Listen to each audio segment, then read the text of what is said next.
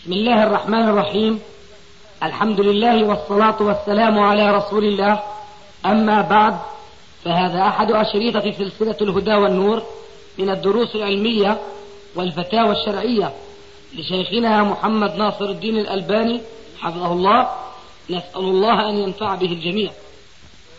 والآن مع الشريط السادس والسبعين بعد المئة على واحد. نرى بعض إخواننا يطلق لحيته قليلا فإذا زادت يعني أخذ منها وقصها فهي لا طويلة كما قال صلى الله عليه وسلم أعفوا اللحى ولا حلقها بالمرض فما حكم ذلك؟ لا شك أن الأمر هنا آه، له صورتان. ممكن جمعها في قول القائل حنانيك بعض الشرع وبعض بعض. اللحية الشرعية هي التي تكون موافقة لما كان عليه الرسول عليه السلام. وهي أنها لا تكون أقل من القبضة. ما زاد عن القبضة يجوز قصها أما ما فوق القبضة فلا يجوز لأنه يخالف الإعفاء من حيث إطلاقه. به رجل ثقة عن شعبة أنه كان يعنى بنظافة ثوبه وأنه كان يأخذ من هذا وهذا قال ويشير إلى عارضيه. يشير إلى عارضيه. هذا يفيدنا في موضوع من يتشدد في تطبيق أمر الإعفاء بصورة مطلقة. مهما طالت اللحية فتترك. نحن نقول لا هذا خطأ وخير الأمور الوسط وحب التناهي غلط. فالذي يأخذ ما فوق القبضة هذا وإن كان خيرا من المبتلى بحلقها وذلك لأنه لا يتشبه بالنساء في هذه الحالة. فخرج من هذا المحظور لكن هو خالف أولا الإطلاق في الإعفاء والمقيد بما ذكره ابن عمر أنه كان يأخذ من لحيته ما دون القبضة وعلى ذلك جاءت بعض الآثار عن السلف الصالح دون أي خلاف بينهم. إذا حلق اللحية معصية كبرى. إعفاؤها قصيرة على حد قول السوريين عندنا خير الذقون إشارة تكون. لأنه هذه من باب هذا من باب إيش؟ أنصاف الحلول يسموها أيضا. أنصاف الحلول. هذا ما بده يتشبه بالمشايخ المتشددين فما بيخليها طويلة شايف؟ وذاك ما بده يتشبه بالمرة يطيح بها ويرميها أرضا كما ذكرنا. إذا خير الذكور إشارة تكون هذا من وسوس الشيطان بطبيعة الإنسان. المهم يا إخواننا أن المسلم يجب أن يحيا حياته كلها ويضع نصب عينيه دائما أبدا. قوله تبارك وتعالى لقد كان لكم في رسول الله أسوة حسنة. لمن؟ تمام الآية. لمن كان يرجو الله واليوم الآخر. من المسلم الذي يجعل نصب عينيه قدوته هو الرسول عليه السلام وليس سواه لا من المشايخ ولا من العلماء ولا من الجهلة فضلا عن الكفار والفساق إلى آخره من هو؟ هو الرسول عليه السلام ومن الذي يجعل الرسول قدوته؟ من كان يرجو الله واليوم الآخر فالمسلم الذي يحيا في هذه الحياة الدنيا العاجلة الفانية ليس عنده هدف وهو أن يحيا بقدر ما يستطيع على ما كان عليه رسول الله صلى الله عليه وسلم. هذا يعيش اسم أنه مسلم. أما المسلم الحق فهو الذي يحاول دائما وأبدا أن يفعل كما فعل رسول الله صلى الله عليه وسلم. طبعا أنا أعني أن يفعل فيما يتعلق بدائرة العبادات. أما دائرة العادات فهذه المسلم فيها له منتهى الخيرة. يتصرف في العادات كما يشاء بشرط واحد أن لا يخالف نصا. نصا من أقواله عليه السلام تدل على أن هذا الأمر أمر تعبدي وليس أمرا عاديا. هذه النقطة يجب الفصل بينها وبين تلك أي قدوتنا عليه السلام في أمور الدين وليس في أمور الدنيا. ولذلك يخطئ أشد الخطأ. بعض الجهلة الذين لا يفرقون بين سنة العادة وبين سنة العبادة. سنة العبادة لا تقبل الزيادة. وهنا يقول الرسول عليه السلام كل بدعة ضلالة وكل ضلالة في النار. سنة العادة تقبل الزيادة وتقبل النقص وتقبل كل شيء لأنه عادي. أضرب لكم مثلا واحدا من سنن عادة الرسول عليه السلام. دخل مكة وله أربع غدائر. شو بتقولوا أنتم؟ ضفائر؟ ضفائر. غدائر. دخل مكة فاتحا لمكة يوم نصره الله على أهل مكة. وله أربع غدائر. هذه سنة العرب. إلى اليوم توجد هذه السنة في بعض الشباب من البدو. أنا شفتهم بعيني في الصحراء. إلى اليوم موجودة هذه العادة. أنت حر فيها. إن رأيتها مناسبة لك فعلتها وما رأيت تركتها ولا تخالف في ذلك سنة الرسول. ليه؟ لأن هذه سنة عادة وليس ليست سنة عبادة. هذا التفريق من تمام الفهم والفقه في الدين حيث يجهله كثير من المبتلين بالتعالم.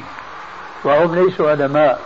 مبتلين بدعوة العلم وليسوا بعلماء كان عندنا رجل شيخ أديب كيس ذكي كان يقول آه العلماء قسمين.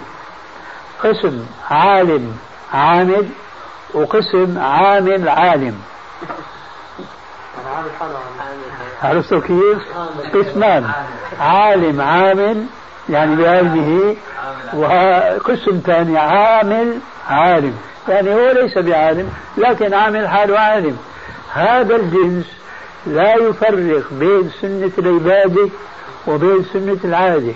قلنا سنة العبادة لا تقبل الزيادة مطلقا. لماذا؟ اليوم أكملت لكم دينكم وأتممت عليكم نعمتي ورضيت لكم الإسلام دينا. ولما؟ وإياكم محدثات الأمور. فإن كل محدثة بدعة وكل بدعة ضلالة وكل ضلالة في النار أما الدنيا قال عليه السلام أنتم أعلم بأمور دنياكم هذا التفريق أمر ضروري جدا وإلا اختلط الحابل بالنابل كذاك الجنس من قلنا عامل إيش؟ عالم عامل عالم لماذا؟ بنقول يا أخي هذه الشغله لا تفعلها لأن الرسول عليه السلام ما فعلها. هي بدعة. بيقول لك إيه أنت بتركب سيارة. ركوبك سيارة بدعة. أنت لابس مثلا ساعة. هذه الساعة ما كانت في زمن الرسول. هي بدعة. هذا هو الجهل بسبب عدم التفريق بين سنة العبادة وبين سنة إيش؟ العادة. يا أخي الرسول قال من أحدث في أمرنا هذا أي في ديننا هذا ما ليس منه فهو رد مضروب وجهه. ما قال من أحدث مطلقا في الدين أو في الدنيا لأنه ما جاء عليه السلام ليكمل لنا دنيانا. وأنا راح أقول كلمة ولعلها ليست خطيرة عند أهل الفقه والعلم. الأوروبيين.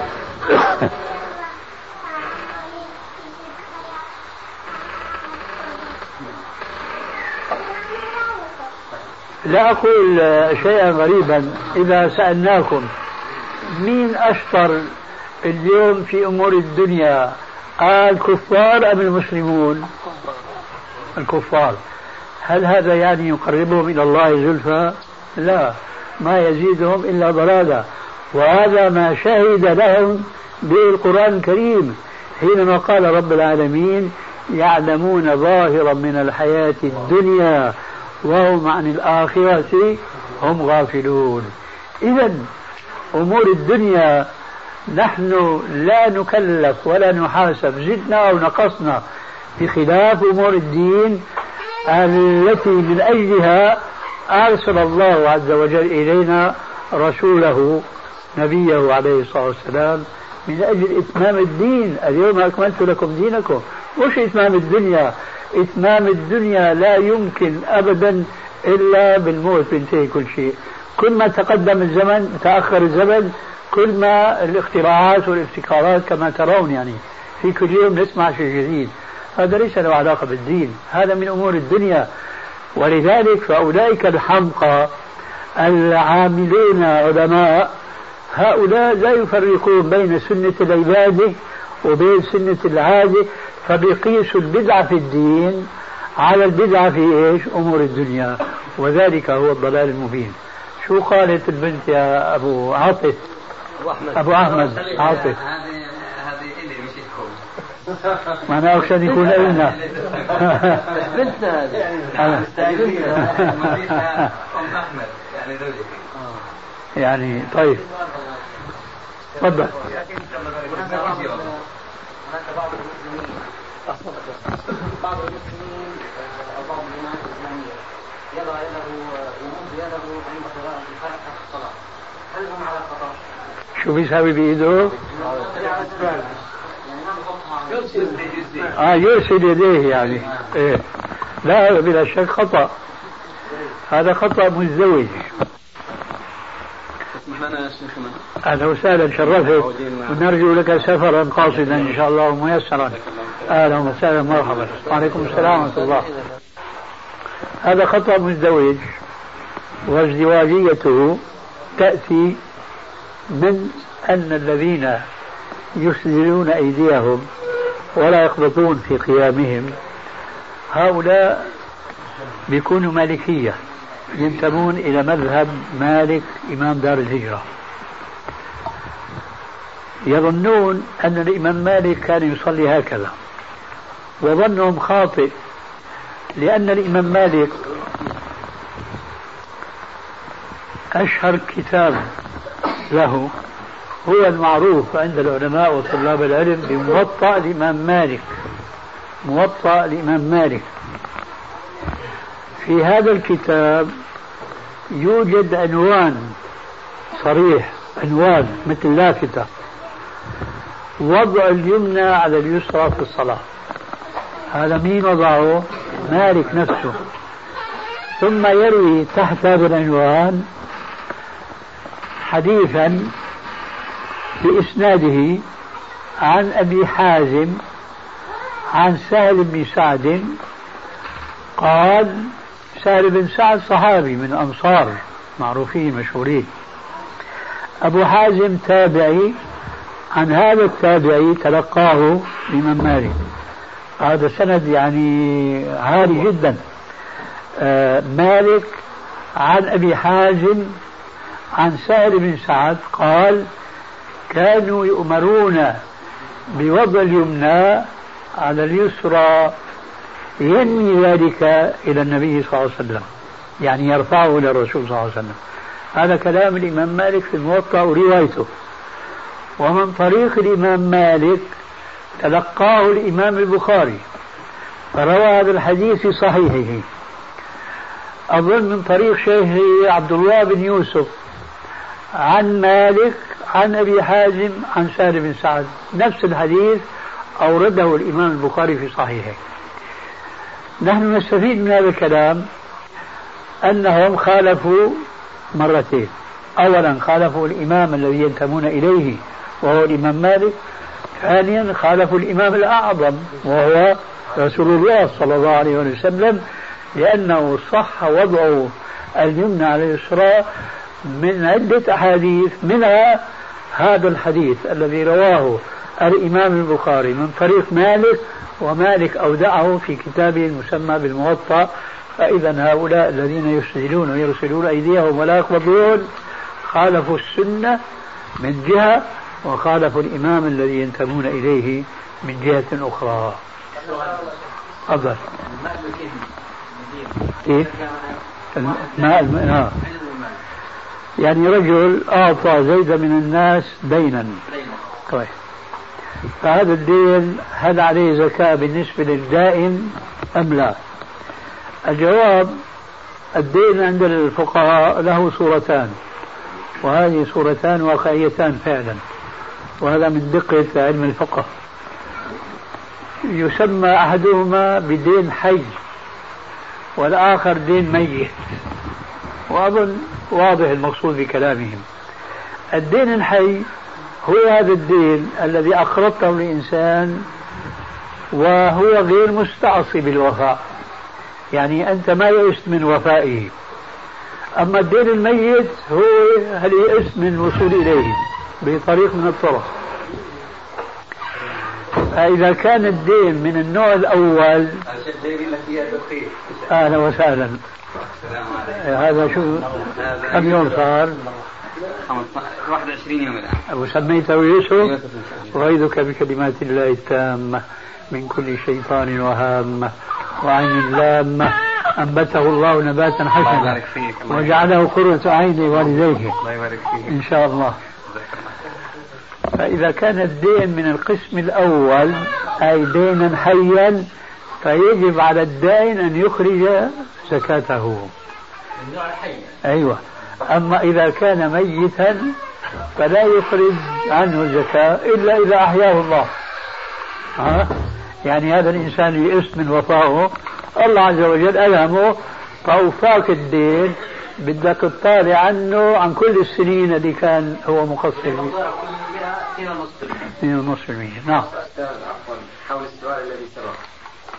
إذا كان مثلا هذا الدين ألف دينار في يد المدين حال عليه الحول. هل يزكيه المدين وهو دين حي؟ ولكن اقتضى الظروف الذي استدان أن يبقى معه حولا كاملا. نعم. هل يزكيه هو ويزكيه فيكون مزكى مرتين؟ اي نعم هو كذلك. وقد جاء هذا السؤال انت امبارح ولا وقت امبارح؟ اول امبارح وتكلمنا مفصلا. نقول المدين المفروض فيه هذا المال الذي استدانه من دائنه أن يقضي به حاجته.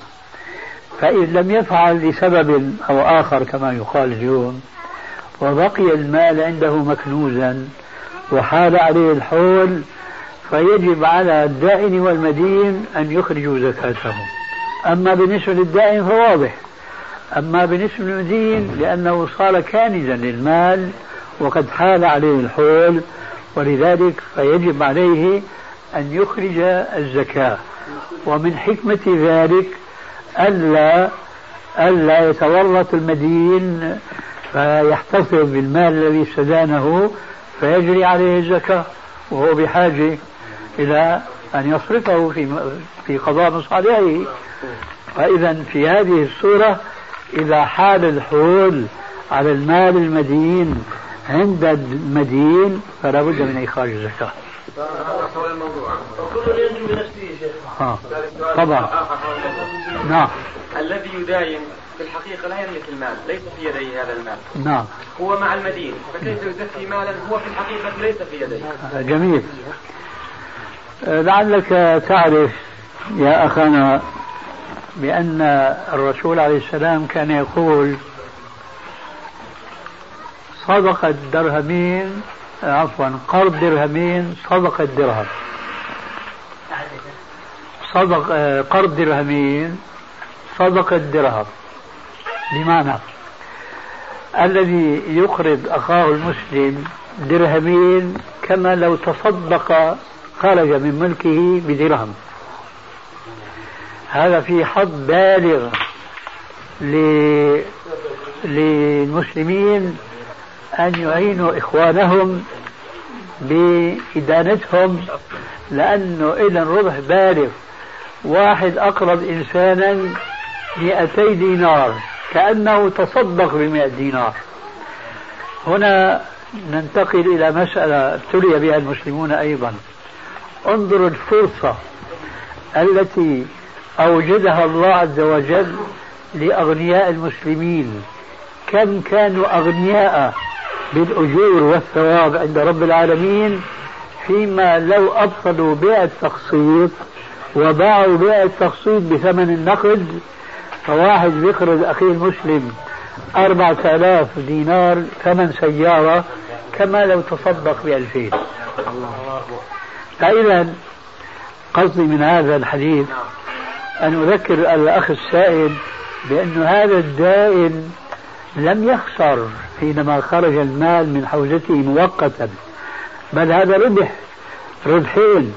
أولا الربح المادي الذي سيعود إليه وثانيا الربح المعنوي الذي تحقق له مجرد أن خرج عن هذا المال الذي أدانه لأخيه المسلم. نعم فيما أعلم يعني بالنسبة لعلمي أنه لا يوجد نص صريح في بأمر من الله أو رسول الله في فرض الزكاة على من داين دينا. نص صريح من داين. لا لا يوجد نص صريح. لما لا تقول هذه المسألة وسكت لكم عن أشياء رحمة بكم؟ ما ذكرنا لك الجواب. أنه هذا ما خسر هذا ربح. يعني الآن يعود السؤال بطريقة أخرى. ما هو الأربح لهذا المسلم أن يظل الدين عنده ولا عند أخوه المسلم؟ أنا الأربح مطلقا. أنت وأنت خذ وأنت خذ حذرك أنت خذ حذرك في جوابك. أيوه. أيه أيما أربح لهذا المسلم أن يظل متمسكا بهذا القرض في صندوقه أم يخرج من حوزته مؤقتا إلى أخيه المحتاج إليه. أيما أربح له. لكن أنت الآن ما أجبت وإنما أجبت بطريقة واحد يحاول أن يخلص من المشكلة وهذا ليس سبيلنا. أو, أو ليس سبيلنا. وهو كذلك. ها؟ هو أراد ذلك.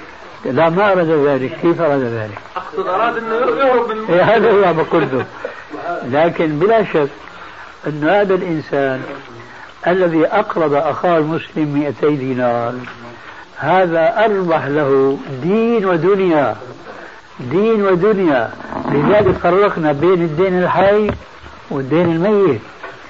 فهو إذا مات دينه خسر المادة لكن الربح حصل له الربح الأخروي لكن إذا عاد إليه المال فقد ربح مرتين الربح العاجل والربح الآجل. وإذا صح هذا الذي نلفت النظر إليه أخيرا أي يكون الجواب أربح له أن يدين صاحبه حينئذ بيكون هنا قياس أولوي. كقوله تعالى ولا تقل لهما أف. فإذا ضربها بكف كان ذلك منهيا عنه من باب أولى فإذا كان هذا الإنسان أربح له أن يخرج من هذا المال مؤقتا فلماذا لا يخرج زكاته؟ وإذا أخرج زكاته جاءه ربح ثالث؟ جاءه ربح ثالث. وإياك يا أخي. تفضل. هل يجوز لطالب العلم أن يقلد أحد علماء الحديث ويعتمد كل كتبه وصفه وتطويله مثل الحافظ بن حجر أو لا فرق بين المسلم يقلد عالما في الحديث أو يقلد عالما في الفقه. كل من الأمرين جائز بل واجب. بالنسبة للجاهل لأن الله يقول فاسألوا أهل الذكر إن كنتم لا تعلمون. اسمع يا أخي. اسمع عليه أنت جواب بعدين أنت بتقول ما عندك. ومع ذلك بتخليني أنا أقطع سلسلة بحثي جزاءها وأقول لك طالب العلم عالم؟ ستقول لا. ورد أخذ له سلفا فاسألوا أهل الذكر إن كنتم لا تعلمون.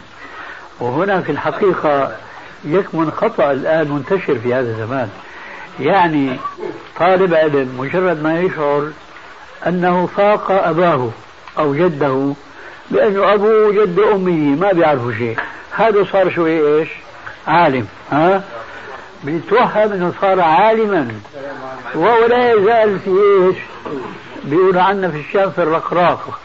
تستعملوا أنتم الكلمة هي الرقراق المقصود ماء البحر بتعرف. على الساحل تلاقي عبارة عن صامتي كل ما مشيت بيغمى. هو الرقراق هذا أول الماء. آه. فهذا طالب العلم لا يزال في الرقراق. يعني لا يزال على طرف الساحل. العلم بحر وهو في أول الساحل. مع ذلك يبتلى كثير من طلاب العلم اليوم بالعجب وبالغرور. بيرفعوا راسهم هيك ولسان حالهم كمان بيقول مثل ما بيقولوا عنا في دمشق يا أرض اشتدي ما حدا عليك أدي. هذا غرور عجيب. لمجرد أنه فهم شوي خلاصة نستمر في الإجابة. لا بد لكل مسلم من أن يقلد يقلد عالما. لكن هذا التقليد وهون الشاهد في الجواب لا يجوز أن يصبح دينا. لا يجوز أن يصبح مذهبا. بمعنى أنا بقلد هذا الرجل في علم الحديث لكن في رجل ثاني هناك في علم الحديث. ليش أنا ما بستفيد منه؟ لا أنا هذا شيخي.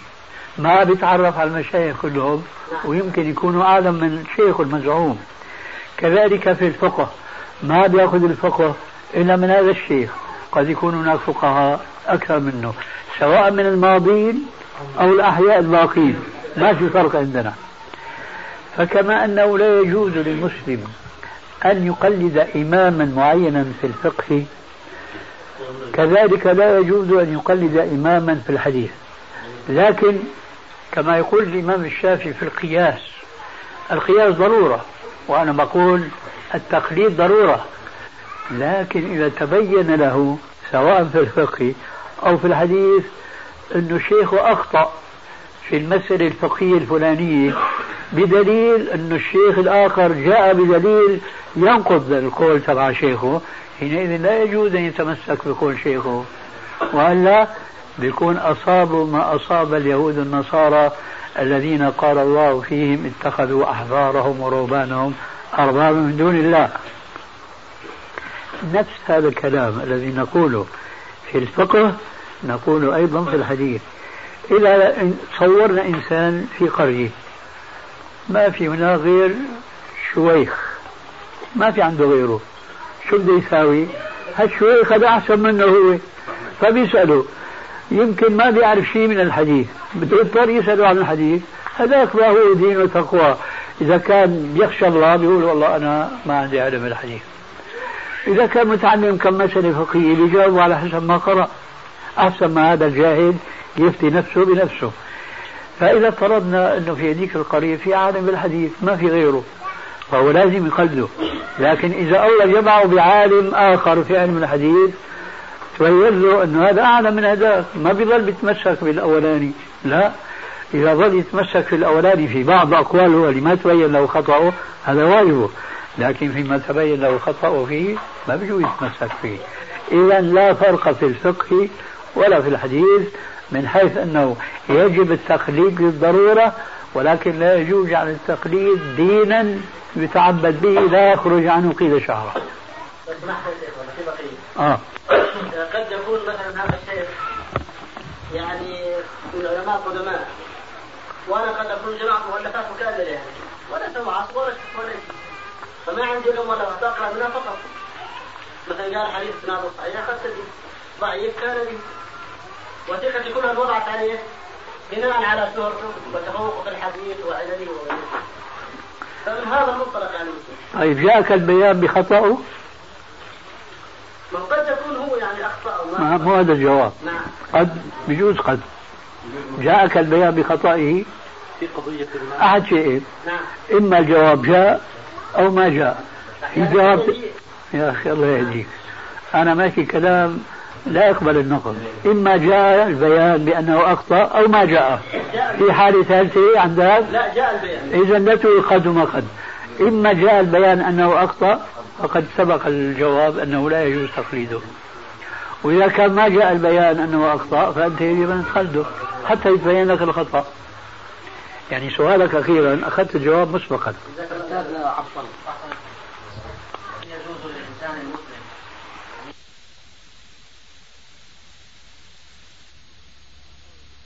عفوا يجوز للإنسان المسلم أن يأخذ بعضا من مما جاء به الإمام الشافعي وبعضا مما جاء به الإمام الامام ابو حنيفه وابو مالك والى اخره.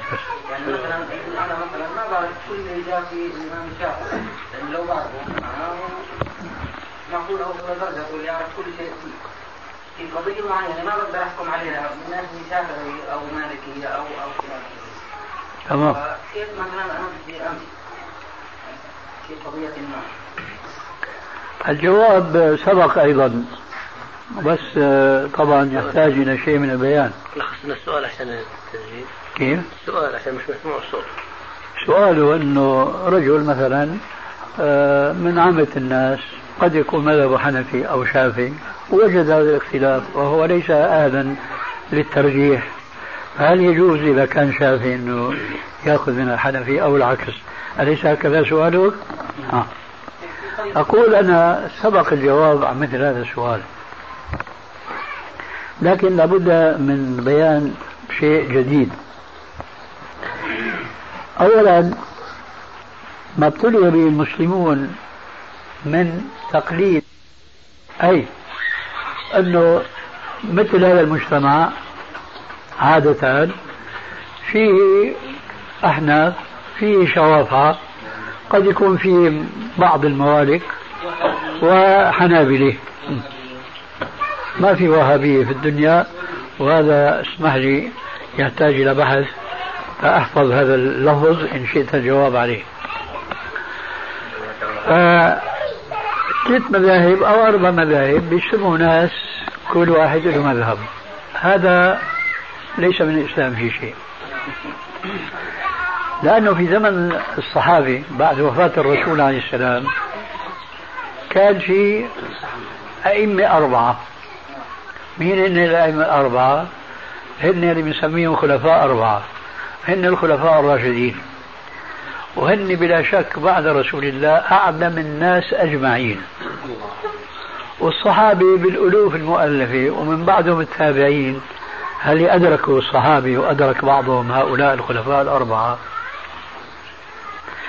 ما كان هناك أشخاص مثل هذا بيقولوا نحن بكريين ولا في أشخاص مقابل هذا بيقولوا نحن عمريين ولا في أشخاص بيقولوا نحن عثمانيين. ولا في أشخاص بيقولوا نحن علويين. كيف عاش هؤلاء الجماهير الألوف المؤلفة بدون مذهب معين؟ هكذا نحن بدنا نعيش. يمكن يضيق عقل بعض الناس أن يدركوا هذه الحقيقة التاريخية التي لا تقبل الجدل وهي أنه ما في بكري وعمري وعثماني وعلوي. إذا هذول كيف كانوا يتعبدوا الله عز وجل؟ على قاعدة فاسألوا أهل الذكر إن كنتم لا تعلمون. رجل وقعت له واقعة. تيسر له أبو بكر بيسأله ما تيسر له؟ تيسر له عمر ما تيسر له؟ واحد من الخلفاء الراشدين تيسر له ابن مسعود ابن عمر أبو هريرة إلى آخره. يعني بيسأل أهل العلم لأنه هيك ربنا أمر فاسألوا أهل الذكر. ما قال سألوا بكر عمر عثمان علي إلى آخره. يجب التاريخ أن يعيد نفسه. فبقاء المسلمين بعد زمن القرون الثلاثة كل طائفة لها إمام على ما قلنا حنفي شافعي مالكي حنبلي. هذا لا يجوز أن يبقى هكذا المسلمون. إذا يجب أن يعودوا سيرتهم الأولى. كيف كان السلف مع الصحابة؟ هكذا الخلف يجب أن يكونوا مع العلماء. أنت إذا عرفت هذه الحقيقة ريح حالك إن كنت شافعي من قولك أنا شافعي. أو إن كنت حنفي ريح حالك أنك تقول أنا حنفي. وعلى ذلك فقس. لما بتريح حالك من النسبة غير مشروعة حينئذ ستجد نفسك مندفع إلى العمل بالآية السابقة. فاسألوا على الذكر إن كنتم لا تعلمون. تسأل العالم الذي تثق به. ما تيسر لك هذا بتيسر لك واحد ثاني وهكذا. يعني التاريخ يعيد نفسه لازم نحن الآن نعيد تاريخ السلف الأول. لا نتمسك بمذهب شخص معين لأن الصحابة والتابعين ما تمسكوا بمذهب إمام معين. وإنما أي عالم يتيسر له بيسأله وذلك يتعبد الله به وبيكون بريء الذمة سواء سواء عند الله سواء أصاب أم أخطأ. هذا هو جواب سؤالك. فأنت الآن كما هو واقع أنت والله شافعي. يعني أنا ما بقدر الآن جرد الناس عما عاشوا عليه سنين طويلة لأنه هذا إرث ورثوه من آبائهم وأجدادهم. لكن هذا التجريد شو بس بإيش بصير؟ بصير بالتوعية الصحيحة بتنبيه الناس وإرجاعهم إلى الأصل.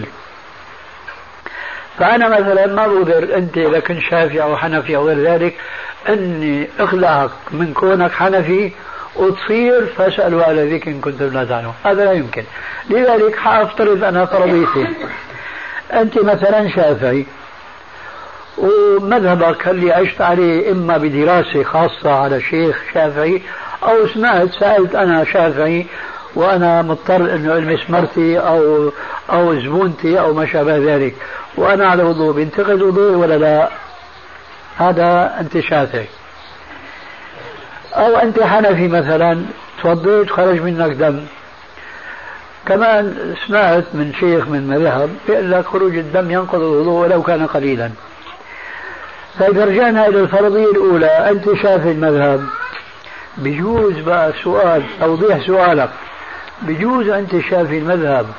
تأخذ بمذهب أبي حنيفة في هالمسألة هي هل بتتعرض فيها للمس النساء وأنت على وضوء؟ مشان تخلص حالك من المشكلة هي كل ما دعت زوجتك أو لعبتها والى آخره أو جاءت زبونه وأعطتك مصاري. هذا إذا ما أنت تعمدت أنك تمسها إلى آخره. نعم فبينتقد وضوءك ولا لا بتلاقي نفسك مالت لوين؟ المذهب الحنفي. الصورة الثانية إنه أنت حنفي. أنت شغال عمال إلى آخره معرض لإيش؟ تنجرح بتشوف نفسك بتميل أو بتتساءل على الأقل ما بيجوز أنا آخذ برأي الإمام الشافعي اللي بيقول أن الدم ما بينقض الوضوء ولو كان أنهارا؟ الجواب الآن هذا سؤالك أنت. الجواب بيجوز وما بيجوز. إذا كنت عايش حنفي ليش تترك مسألتك هي؟ لأنه هذاك أعجبك لنفسك أكثر. وإذا كنت عايش شافعي ليش تركت مسألة إمامك في المسألة وأخذت بالإمام الثاني؟ لأنه أعجبتك أكثر. إذا بهذه الطريقة صار مذهبك هوى. المذهب فيه يسر وفيه شدة. هذا بيقول لك مثلا توضأ من لمس المرأة؟ فيه شدة. بالنسبة لمين؟ هذا بيقول لا تتوضأ. ولو قبلتها ولو عضيتها. لا تتوضأ.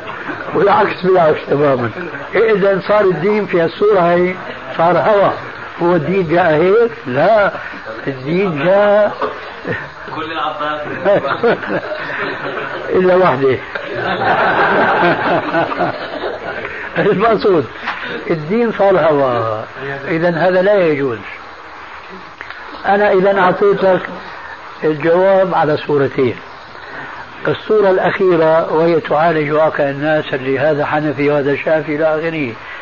ما بيجوز أنه يعملوا هذا العمل لأنه هذا هن العلماء أنفسهم بيقولوا هذا نابع من التلفيق. تلفيق بين المذهبين لماذا؟ لتتبع رخص. هذا الجواب الأخير. الجواب الأول لا تربط حالك أنت بشافعي أو حنفي إلى آخره لكن اربط حالك بالمذهب القرآني. شو هو؟ فاسألوا أهل الذكر إن كنتم لا تعلمون. إذا الصورة هي بعض إخواننا بلا شك عايشينها.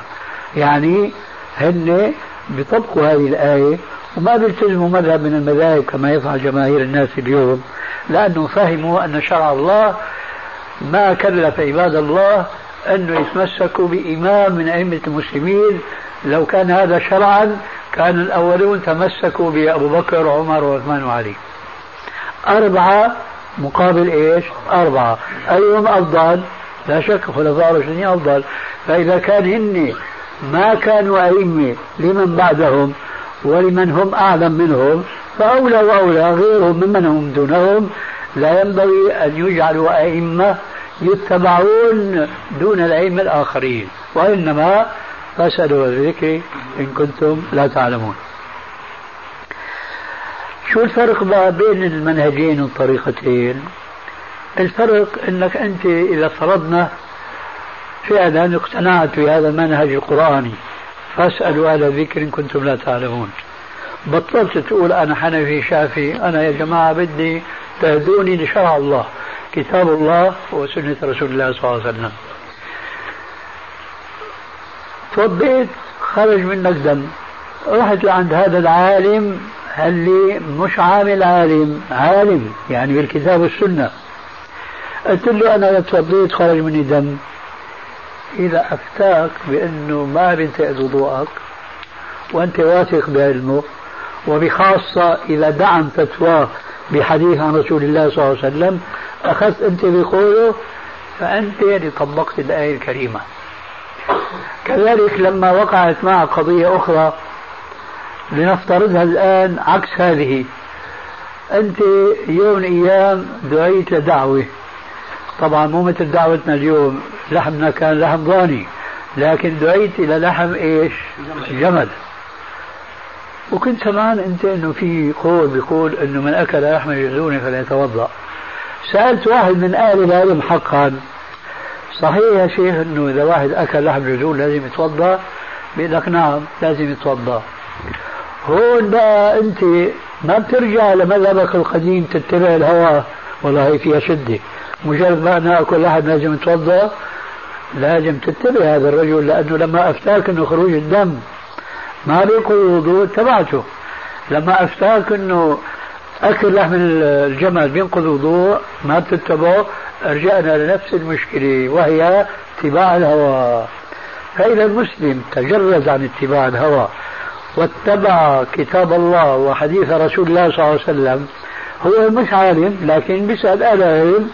فإذا أفتوا بناء على هذين المصدرين الكتاب والسنة فهو السائل عمل واجبه والمفتي عمل واجبه إن أخطأ فلا يتحمل السائل وزر خطئه. ولا هو يتحمل وزر خطأه إذا كان مخلصا في الإفتاء يعني خايف رب العالمين وأفتى بدون إيش؟ اتباع الهوى.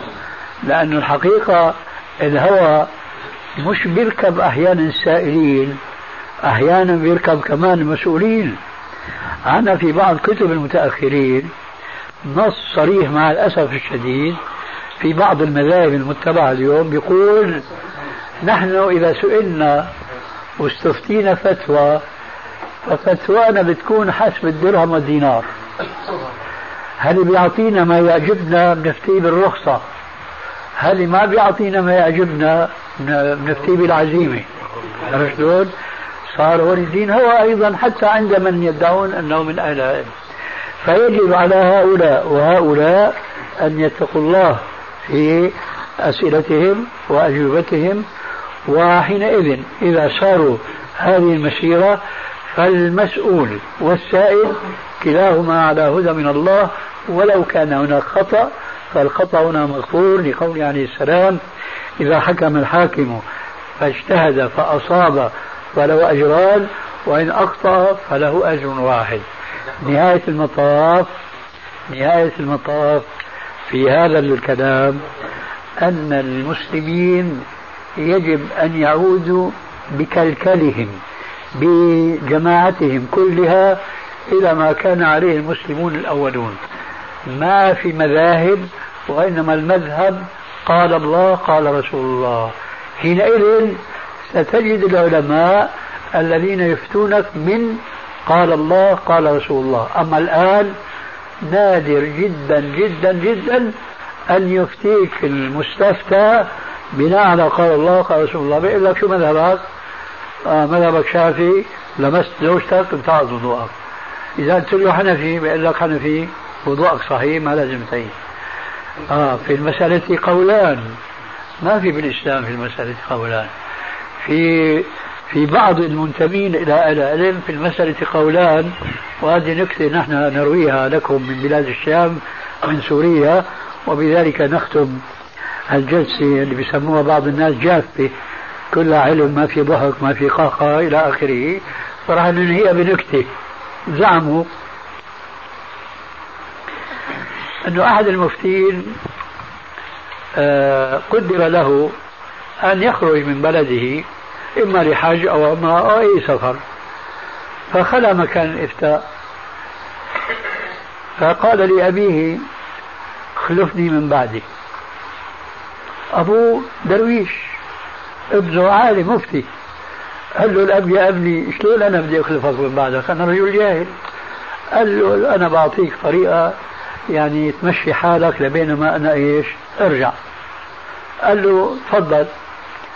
قال له كلما جاءك سائل وسألك سؤال قل له في المسألة قولان. لا تبت في الموضوع في المسألة قولان. مثلا الأمثلة اللي سبقت. إجا واحد قال لك يا فضيلة الشيخ أنا يعني لمست زوجتي وكنت متوضي. بجوز نصلي بدون وضوء ولا لا؟ قال له في المسألة قولان. قول بيقول لازم تتوضأ وقول بيقول ما لازم تتوضأ. إجاك واحد بيقول لك أنا يا فضيلة الشيخ أنا تزوجت بدون إيش؟ إذن الولي. امرأة مثلا تزوجت بدون إذن أبوها. أنت بتفتيها بتقول في المسألة قولان. قول إنه هذا نكاح صحيح وقول إنه هذا نكاح غير صحيح. وهكذا اطمأن يعني الوالد الجاهل بهالاسلوب اللي قدمه المفتي العالم إلى أبيه الجاهل. وراح في سبيله وجلس الأب الجاهل مقام ابنه المفتي. وبدأت الناس كالعاده المفتي. وكل ما اجاه سؤال كما علمه ابنه. في المسألة قولان انتبه أحد الأذكياء هناك. وقال قال للمفتي إما مباشرة أو بواسطة واحد دسه درويش يعني. من فضلك سألني الشيخ. قل له أفي الله شك؟ يا سيدي الشيخ عندي سؤال. أفي الله شك؟ قال في المسألة قولان.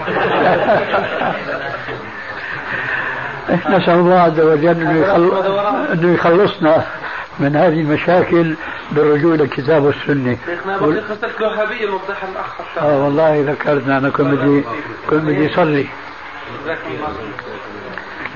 كلمة الوهابية هذه الحقيقة سياسة تركية أفشتها في زمن وعليكم السلام ورحمة الله وبركاته في زمن انحراف الأتراك عن الحكم بالإسلام. في زمن كان ابن بلدنا شو اسمه؟ في مصر محمد علي باشا. هذا ألباني الأصل. فهو كان حاكم مصر في زمانه وكان بطبيعة الحال يعني بزعم أنه عايش تحت سلطنة الدولة العثمانية. فخرج في في بلاد نجد رجل من أهل العلم اسمه محمد ابن عبد الوهاب. مش عبد الوهاب محمد ابن عبد الوهاب. وطاف البلاد الإسلامية ومئذ معروفة بالعلم مثل مصر ومثل القاهرة والشام. طاف البلاد وحصل ما حصل من العلم. رجع لبلده الذي كان اسمه الدرعية فبطبيعة الحال لما رجل تعلم وجد قومه في جاهلية جهلاء يعبدون القبور كما هو لا يزال الآن في كثير من البلاد الشامية بلدي والمصرية بلاد أخواننا دون ولا مؤاخذة البلاء عم طم يعني كل البلاد. فالرجل بدأ إيه؟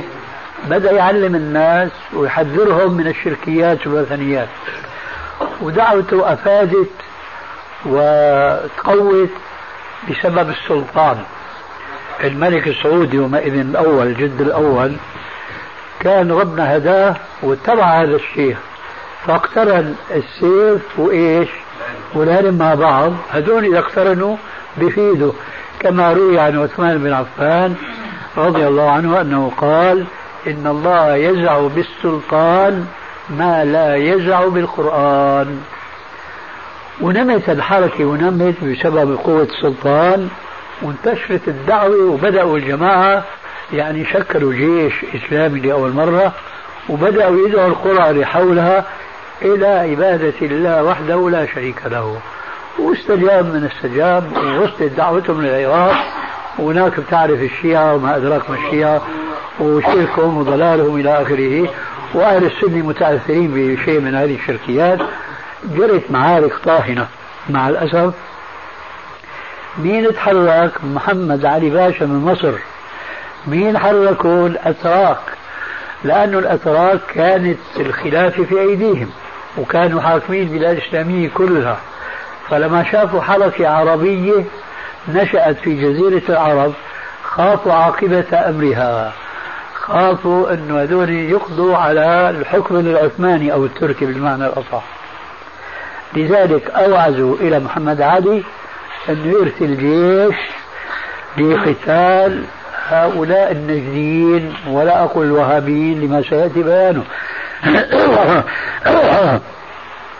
وأرسل محمد علي باشا ابن إبراهيم باشا بجيش عرمرم ضخم من مصر إلى بلاد النجدية وجرت الدماء هناك أنهارا وبنهاية الأمر تغلبت القوة الغاشمة على الدعوة الصحيحة وقتل من قتل وكان من جملة وسائل الأتراك كما هو اليوم تماما.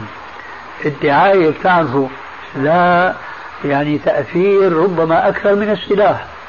فبثوا دعاية ضد الجماعة هذول في العالم الإسلامي حتى العالم الإسلامي يكون مع الأتراك. وما يكون مع الدعوة هذه الحديثة الفتية لأنها تدعو إلى لا إله إلا الله محمد رسول الله.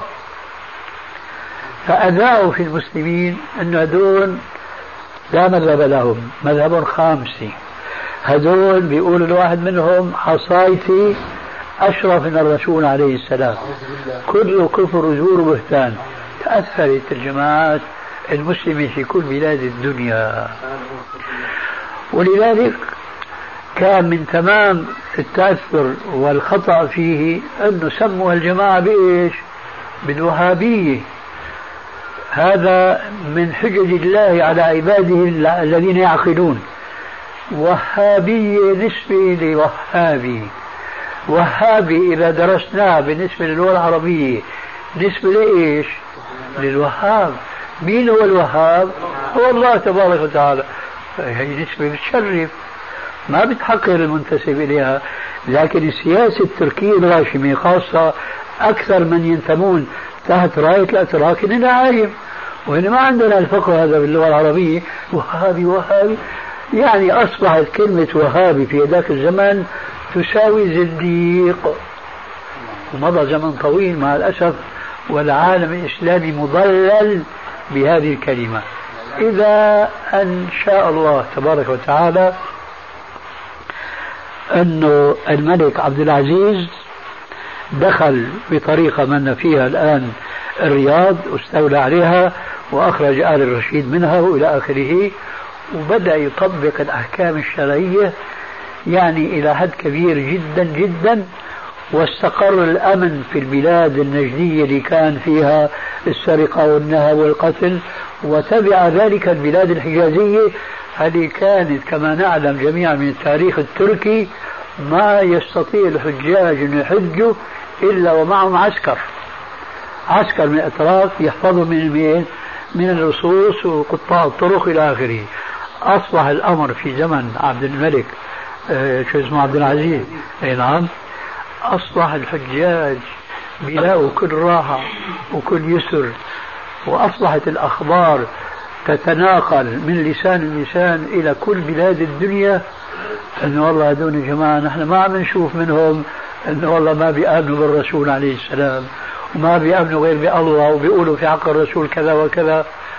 وكما أيضا يحكون نكتة قد تكون واقعة صحيحة وقد تكون تعبير عن هذا الواقع الذي كان الناس يتحدثون به يخالفون واقع هؤلاء الجماعة. زعمت هذه القصة أن اثنين دخلوا في نقاش حول هذا الموضوع. انه هذول الوهابية ما بيعتقدوا بالرسول عليه السلام. هيك نقاش؟ وسرعان ما مرت سيارة السفير السعودي وعليه العلم عم يرفرف مكتوب عليه إيش؟ لا إله إلا الله محمد رسول الله. شوف يا رجل اتق الله. بتولدوا ما بيآمنوا برسول الله. علمهم في الدنيا كلها علم وحيد. لا تجد رأي في العالم الإسلامي كله إن كان عربي ولا إن كان تركي ما بشوف رأي لا إله إلا الله محمد رسول الله إلا رأي تدون الجماعة اللي عم تتهموهم أنه ما بيآمنوا بمحمد رسول الله. بعدين ما سمعتوا الأذان في مكة ما سمعتوا الأذان في المدينة الأذان اللي بنقدمه نحن وأحسن منه أنه اللي ما بيزيدوا على الأذان النبوي ونحن بنزيد مقدمة ومؤخرة. لكن يقول أشهد أن لا إله إلا الله وأنا محمد رسول الله إلى آخره. كل ما مضى زمن كل ما تبين للناس أن هذه التهمة فاجرة كاذبة لا حقيقة لها. سواء من الناحية الواقعية فهن جماعة مسلمين ومذهب حنابلة كمان مشان خاطرك. مش مذهب يعني كما نحن ندعو إليه الكتاب والسنة. إلا بعض الأفراد من المشايخ هناك يدعون الكتاب والسنة كما ندعو عنه تماما والحمد لله. وبعدين بالإضافة إلى هذا فهم يصلون على الرسول عليه السلام ولا بد منكم الكثير يعني حج إلى بيت الله الحرام وزار مسجد الرسول عليه الصلاة والسلام وسمع خطبهم وانه كل ما ذكروا الرسول بيصلوا عليه فانكشف الضباب عن العالم الإسلامي بسبب كثرة إيش؟ اتصال المسلمين العالم الإسلامي بهذه البلاد فعرفوا أنهم كانوا يعيشون في مضللات نشأت هذه المضللات من إيش؟ من الدعايات التركية لتحطيم الحركة الإسلامية الصحيحة التي نشأت من محمد عبد الوهاب ودعمها الملك سعود يومئذ أو الأمير سعود لأنه ما كان ملك يومئذ. فالآن من الخطأ الفاحش أن نسمي الجماعة دون وهابية. ليش؟ لأنه في الأصل هذه كلمة منفرة والحقيقة من الناحية العربية تشريف لهم. وهابي نسبة إلى الوهاب وهو الله تبارك وتعالى. ولذلك قال أحد المشايخ لما كان يرد على المضللين لعامة المسلمين الإمام الشافعي بزمانه اتهم تهمة تشبه اتهام هؤلاء. اتهم بأنه رافضي. من كثر ما كان يلهج بإيش؟ بأهل بيت الرسول وحبه إلهم. فقيل عنه رافضي. فكان قال إن كان رفضا. حب آل محمد فليشهد الثقلان أني رافضي. إن كان حبا إن كان رفضا حب آل محمد فليشهد الثقلان أني رافضي. قال قائل هؤلاء الذين ينبزون بلقب الوهابي إن كان تابع أحمد متوهبا يعني وهابي فأنا المقر بأنني وهابي. لأنه أنا ما بتبع غير الرسول عليه السلام. إن كان تابع أحمد متوهبا فأنا المقر بأنني وهابي. أنا أنصح أخيرا كل مسلم يخشى الله ويتقيه أنه يسحب من فكرته أنه في جماعة اسم وهابية هلا في جماعة اسم زيدية في جماعة اسم شيعة. في جماعة اسمهم إباضية كلهم ما ينكرون هذه النسب لأنها واقعة. لكن ما في جماعة على وجه الأرض يقولوا نحن وهابية لا إنما إما أن يقولوا نحن من أهل السنة أهل الكتاب والسنة وإما أحناف شوافة مالكية حنابلة. والنجديين كشعب هو حنبلي المذهب. وعندنا نحن في سوريا قرى كثيرة. كلها تتعبد الله على مذهب الإمام أحمد بن حنبل. منها مثلا قرية الضمير ورحيبة والنبك وإلى آخره. الجهة الشرقية من ناحية دمشق حنابلة أكثرهم ونحن كنا نجتمع بهم. وما نرى منهم انحراف إطلاقا. مذهب من هذه المذاهب الأربعة. فأنصح أنه ما أحد يتوهم أنه يوجد على وجه الأرض مذهب وهابي. بما تتمة الكلام في الشريط التالي. زيدي ما بينكروا زيد. في